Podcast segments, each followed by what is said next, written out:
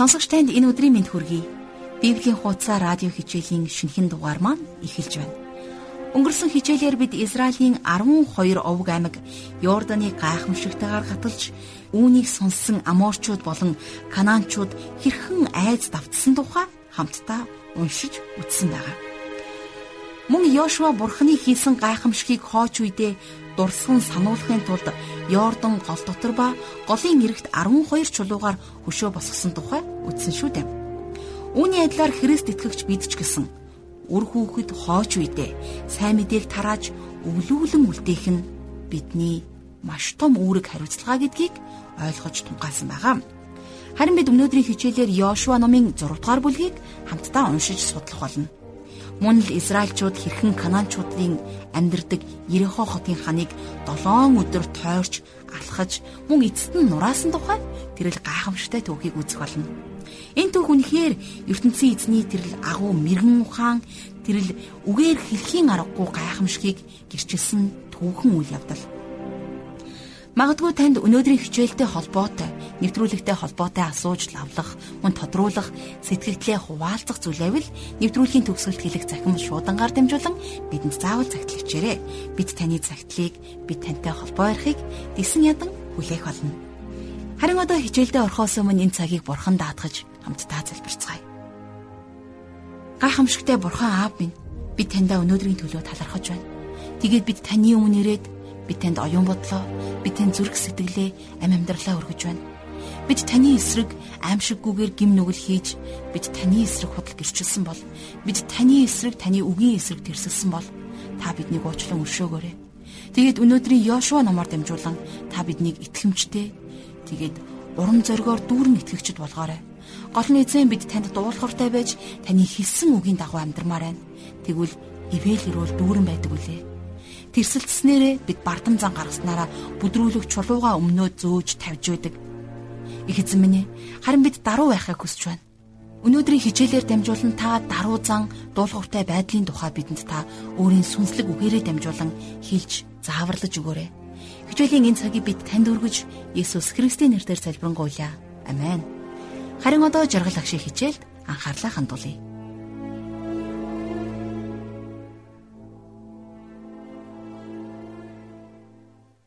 За бид өмнөх хичээлээр Израильчууд хэрхэн Йордан голыг гаталж амлсан газарт хөл тавьсан тухай үздцгээс. Харин энэ үйл явдал болтол яг юу болсныг эргэн тойрныг харцгаая. Тэгэхээр Израильчууд үнэхээр гайхамшигтай аргаар Йордан голыг гаталсан байна. За Йордан химээх энэ гол болвол зун нь чимээгүй урсах жижигхэн гол төдий. За харин борооны удирлын үед ширэн урсгалтай за маш том үертэй гол болдог байсан. Тэгэхээр сонсогч та санаж байгаа бах. Эзний авдар энэ гол руу төрүүлж ордог. Тэгэхээр энэ гэрээний авдар нь Христийн оршихуйг төлөөлж байсан. За гэрээний авдрыг дамнаж явсан тахилч нар хөлөө усанд дүрмэгц усны урсгал татарч эхэлсэн байна. Тэгээд тахилч нар голын дунд зогсоод бүх Израильчууд голыг гаталж дуустал тэндэ байсан.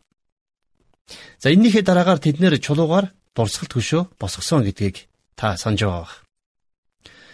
За Израильчууд Йорданыг гатлаад баруун эрэгт буудалдаг. За тэдний үнэхээр гайхалтай зүйлс хүлээж байсан. Учир нь юу вэ гэвэл энэ бол Бурхны амлсан өнөөх сүү балаар бэлгсэн нутаг байсан. Бурхан энэ газрыг Израильчуудад эзэмшиж ав гэж өгсөн байна. За мэдээж энэ бүхнийг бодоод үзэх юм бол тэдний зүрх сэтгэл догдолж байсан баха. За бас тэд нар энд ирээд Бурхны Авраамтай байгуулсан гэрээг санаж хөвч хүндэлт буюу хоцлох ёслолыг үлдээд тэгээд тулаанд бэлдсэн байдаг. За энэхүү гэрээний нэг хэсэг болвол тэд нар энэ газрыг эзэмших байсан. За хэрвээ та санаж байгаа бол Йошуа хөвч хүндэх ёслолыг үлдэхэд зориулж хутгнуудаа хурцлсан. За тэгвэл энэ бүх үйл явдлууд, энэ бүх сургамжууд та бидний өнөөдрийн амьдралд ер нь ямар утга учиртай вэ? За энэ хурц утга бол нэг талаараа бурхны амьд бөгөөд идэвхтэй хоёр талдаа эртдээ ямар ч илдээс хурц үгийг төлөөлж байгаа юм. За энэ үг болвол буруу зүвийг ялгаж салгах хүч чадалтай. Тэгэхээр өнөөдөр манай нийгэмд ёс суртахуун нилээд дороодсон байна. Харин Бурхны үгэн дээр буруу зөвийг маш тодорхой харуулсан байдаг. Аливаа улс үндэстэн Бурхны үгээр амьдарч байж л өрөвддөг юм шүү дээ. За тэгэд Израильчууд тулаанд бэлэн болсны бас нэгэн шинж тэмдэг болвол эзний дайчдын жанжинтай учирсан үйл явдал байсан. За энэ үеэс хойш манлаа өдөрдөгч Йошуа Тэнгэрт байгаа нэгнээс тушаал авах болсон байна. За ингээд тулааны хамгийн ихний хэсэг Ирихо хотыг эзлэх байсан. За Израильчууд инхүү Ирихо за бас Ай хотуудыг эзэлснээр газар нутгийн төв хэсгийг эзэлж байгаа юм байна. За ер нь энэ цагаас дэлхийн түүхэн дэх цэрэг дайны бүх агуу генерал удирдагчдыг хараад байхад яг энэ арга барилаар ажилладаг байсан. Дайсныгаа хуваан ботаргаж за дараа нь хэсэг хэсгээр нь эзэлж авах замаар. За энэ арга барилыг иргэний дайнуудад дэлхийн 1 бас 2 дугаар дайнд ашиглаж байсан. А гэхдээ Ирихо хотыг эзэлсэн энэхүү стратеги болвол маш сонирн байсан. Өөрөөр дахиж хизээж ашиглагдах боломжгүй тийм стратегийг бурхан Израильчуудад өгсөн байдгийг. За энэ тухай үргэлжлүүлэн хамтдаа Йошуа номын 6 дугаар бүлгийн 1-р ишлэлээс уншицгаая. Израилийн хүүгүүдээс болж Ирихо чанд хаагдсан бөгөөд хинч орж гарахгүй байваа гэсэн байна. За Ирихо хот Израильчуудын дайралтанд бэлэн болцсон байсан. За тэд нар Израильчуудыг ийм хурдан хүрээд ирнэ гэж бодоогүй байсан ч гэсэн за ямартай ч хотынхон дааман хаалгыг хаагаад тулаанд ороход бэлдсэн байна. За цааш нь 2-оос 5 дугаар ишлэлийг үргэлжлүүлэн уншицгаая. Эзэн Йошуад хар би Ирихог хаантай нь хийгээд ирлэх дайчидтай нь хамт чиний гарт өгч байна. Та нар буюу бүх цэрэг ирс хотыг нэг удаа тойрон алах. Үүнийг 6 хоног хий.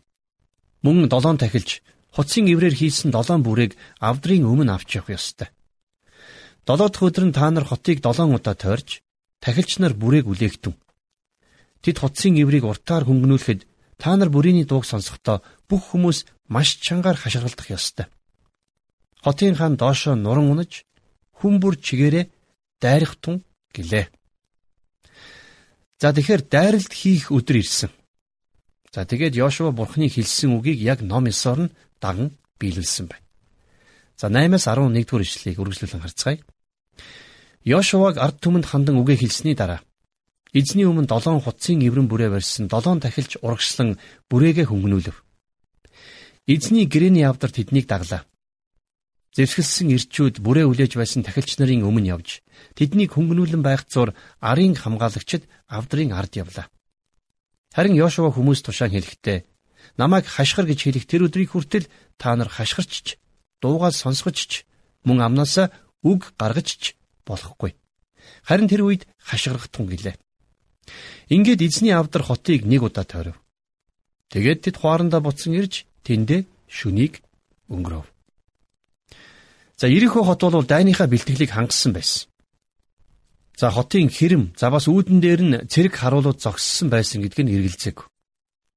За цэргийн жанжнууд тэднээс мэдээ авч байсан. Тэгэд эцэст нь дайснууд хотын хэрэм рүү ойртож байна гэсэн мэдээ ирсэн. Йошуа бас Израилийн арим хот руу жагсаж яваг нь харагдсан байна. За энэ жагсаалын тухай хамтдаа дүрслэн бодцгоё. Тэгэхээр энэ цувааны ихэнд тахилч нарын дамнан барьсан гэрээний явдар. За бас тахилч нар гартаа ивэр бүрээ барьцгаасан байсан. Хотын хэрмэн хан дээр зогсож байсан харуул дайснууд ирж байна бэлдээрээ. Тэд хаалга руу дайрах нэ гэж хашгирцгаасан байх. Израильчууд хаалгыг нь эвдэж орж ирэх юм бол тэд нэр дотор нь тулалдахад бэлэн хүлээж байсан юм. А гэтэл маш сонь зүйл болсон. Юу вэ гэхлээр дахиад өнөөх харуул тэд нар эндээс дайрахгүй нэ. Тэд нар эргээд өөр талаас дайрах гэж байна гэж хашгирсан. За тийм учраас дотор нь байсан цэргүүд хөдөлж ийш тийшээ эргэлдэн гүйлдсэн байхаа гэж би төсөөлж байна. Харуулууд тэд нар энд байна. Үгүй одоо тэнд байна гэж мэдээ өгч байсан. Израильчууд бүтэн тойрчход дайралт хийхгүйгээр хуарн руугаа буццаасан. За тэр шүн Ирихогийн хаан цэргийн жанжин нарын дунд сандрал үүмэн болсон нь гарцаагүй. За 12-оос 14 дугаар ишлэгийг хөргөжлүүлэн харцгаая. Маргааш нь Йошуа өглөө эртлэн босож мөн тахилч нар эзний авдрыг дамнав. Эзний авдрын өмнө долоон хуцсын эврэн бүрээг авч явагч долоон тахилч урагш явж бүрээгээ хөнгөнүүлв. Тэд бүрээгээ үлээн дуугаргах зуур, зэвсгэлсэн ирчүүд тэдний өмнө алхлан арын хамгаалагчид эзний авдрын ард явв. Тинхүү хоёр дахь өдөр тэд хотыг нэг тойрон алхаад хуарандаа буцаж ирсэн. Тэд энийг 6 өдөр гүйцэтгэв. За юу болж ийнү гэхлээр дараагийн өдөр нь Израильчууд яг л өмнөх өдөр шигээ зүйлийг давтан хийсэн. За энэ үед харуулууд бас л дайснууд ирж байна гэж хашгирсгаасан байх. Тэгсэн Израильчууд дахин хотыг нэг тойроод буцааж явчихсан. За ингэж 6 өдрийн турш тэд нэг зүйлэл давтан хийсэн. Хотыг нэг тойроод хуарн руугаа буцсан. 6 дахь өдөр Ирихо хотын удирдлагууд гайхшаан бараад үүр зайдал нойргүй хонсон байж магадгүй. За харин 6 өдөр алхсан айрам ядарсан байсан. Израильчуудын зарим нь бид нар ямар утгагүй юм хийгээд байна гэж хэлж байсан ч гэж магадгүй. За тэр үед Йошуагаас яагаад энийг хийж байгааг асуусан болвол тэр лав ингэж хариулах байх л да. За би энэ тушаалыг эзний дайчдын жанжнаас авсан юм а гэж. Тэр надад ингэж хэлсэн учраас л би энийг хийж байна гэж Йошуа хэлэх байсан. 15 дугаар эшлэл дээр Долоо дахь өдөр тэд өглөө эрт үүр цайх үед босож өмнөх аргаараа хотыг долоон удаа тойров. Гагцхүү тэр өдрөл тэд хотыг долоон удаа тойрчээ. За ингээд долоо дахь өдөр болсон Израильчууд хотыг дахин тойрсон. За Ирихо хотынхон Израилийн армийг нэг тойроод дуусгаар нь за ингээд өнөөдрийн хувьд боллоо доо гэж санаа намарсан баг. А тэгэд амрах гээд суудал харуул гинт хөөе байзаараа дайснууд дахиад тойрох гэж байна гэж хэлсэн байх. За тэгээд Израильчууд дахиад тойрлоо. За дахиад тойрлоо. За ийм янзаараа 7 удаа хотын хэрмийг тойрсон. За цааш нь юу болсныг 16-аас 20 дугаар ишлээс харцгаая. 7 дахь удаага тойрох үед тахилч нар бүрээгээ үлээхэд Йошуа ард олонд хандан хашгирцгаа. Учир нь эзэн та нарт энэ хотыг өгсөн. Тинхүү ард олон хашгирч тахилч нар бүрээнүүдээ үлээв. Хүмүүс бүрийн дуу сонсоод маш чангаар уухаасанд хан доошоо нуран унаж хүн бүр чигээрээ урагш давшин хот руу орж тэд хотыг эзлэн авлаа гэсэн байна.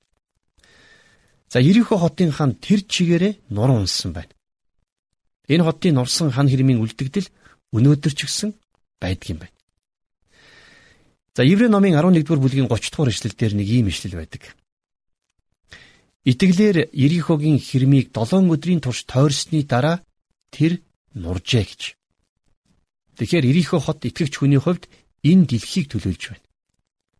Энэ нь аимшигтай газар боловч энийг итгэлээр нураан эзлэн авах боломжтой гэсэн үг.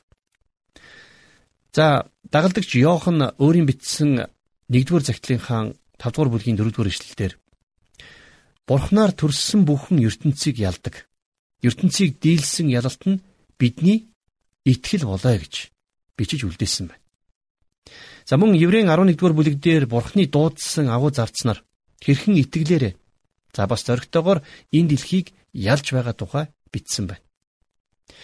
Тэгэхэр байж тээ ер нь бол Йошуа өөрөө ялалт байгуулаагүй л дээ. Тэр ямар нэгэн тулалдаан хийгээгүй зүгээр л хотыг тойрчл алгасан. Харин жинхэнэ тулалдааныг эзэн бурхан өөрөө хийсэн юм. Иннээс өөр ямар ч тайлбар байх аргагүй.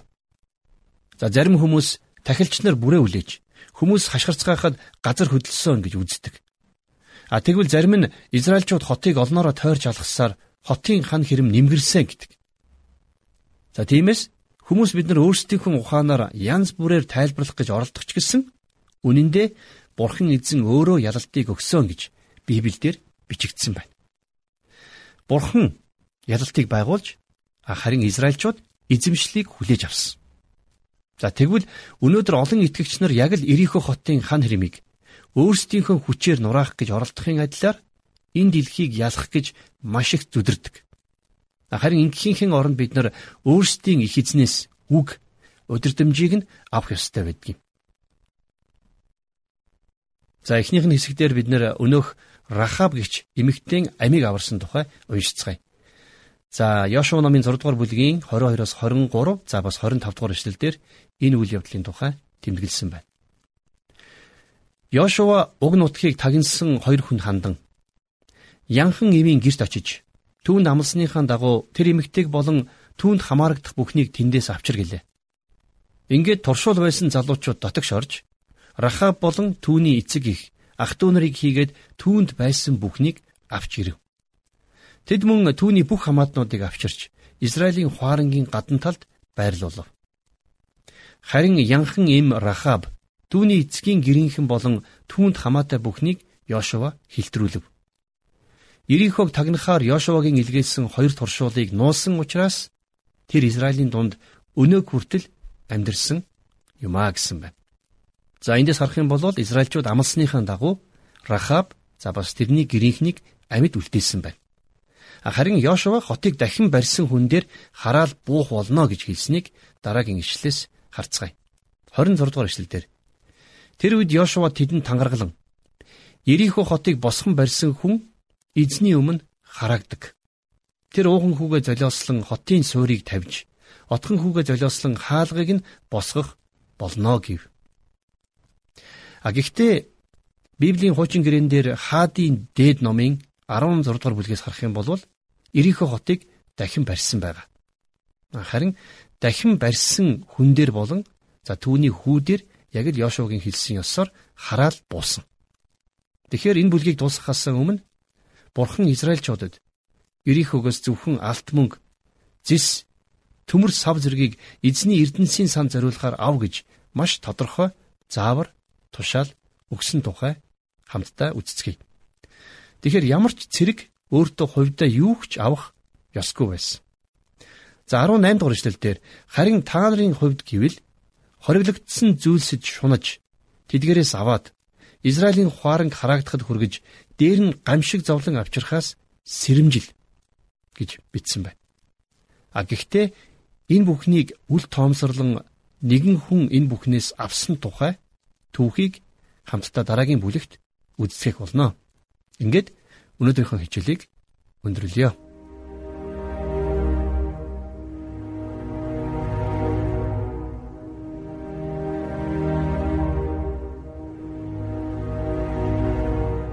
Тэгэхээр өнөөдрийн хичээл үнэхээр сонирхолтой байлаа. Бид бурхан өөрийн айрамд хэрхэн хэнийг санаанд оромгийн аргыг зааж Ерөнхий хотын хан хэрмийг 7 удаа тойрсны эцэст хэрхэн нурааж байгаа тэрл гайхамшигтай түүхийг хамтдаа уншиж судаллаа. Үүнтэй адил тэр биднийг итгэлийн амьдралд маань өдөр тутам хөтөлж ялалтанд хүргэхийг хүсдэг. Та ч бас өнөөдөр хэрхэн өөрийнхөө амьдралд байгаа ямар нэгэн хан хэрмийг эзнэр нураалгах хэрэгтэй байгаа тухай тунгааж бясалгаарай.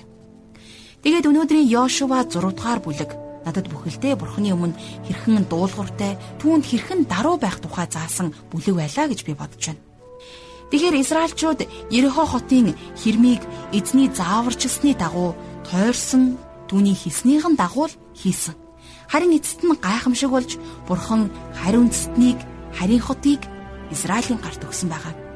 Яг л үнтэй адил та бидний амь амьдралд магадгүй дааж давшгүй хан хэрэм магадгүй хизээч нуруу унахгүй байхаа гэж бодож исэн тэрл алдаа зурчил ялагддаг тэр сул дорой байдлууд байгаа бол эзний өмнө хамтдаа очицгоё. Тэгээд түүний хэлсний дагуу үйлдэцгээе. Их эзэн минь би таньда онцгойлон талархаж байна. Та бидэнд ялалтыг өгдөг үлээ Харин бид өөрсдийн хүч чадлаараа зүтгэхээ болж бид зөвхөн танд найдаж таны хүч чадлаар энэ дэлхийг бид өөрсдийгөө ялахыг хүсэж байна. Эзэн минь ээ бидний дотор сул дорой бидний дотор ялагддаг бидний дотор танаас урвдаг тэрсэлдэг бидний дотор бас олон янзын муу зан чанарууд байна. Их эзэн минь ээ та юу гэж хэлнэ? Бид таны хүсснээр бид таны хэлснээр яг тийхүү хийж энэ л сул дорой өчүүхэн зам байдал бас бусрамг энэ л авир аашаа бид өөрчлөхийг хүсэж байна. Тэгээд таны дотор бид итгэмжтэйгээр цэвэр ариун байдал дотор үйлчилж бид таныг ирэх үед толбгүй цэвэр олдмоор байна. Эзэн минь та болох биднийг, молих биднийг та өөрийнхөө алдрын төлөө ашиглаарай. Өнөөдрийн заасан Йошуа 6 дугаар бүлгийн төлөө бид онд онцгойлон талархаж Есүс Христийн нэрээр залбирanгуйлаа. Амен.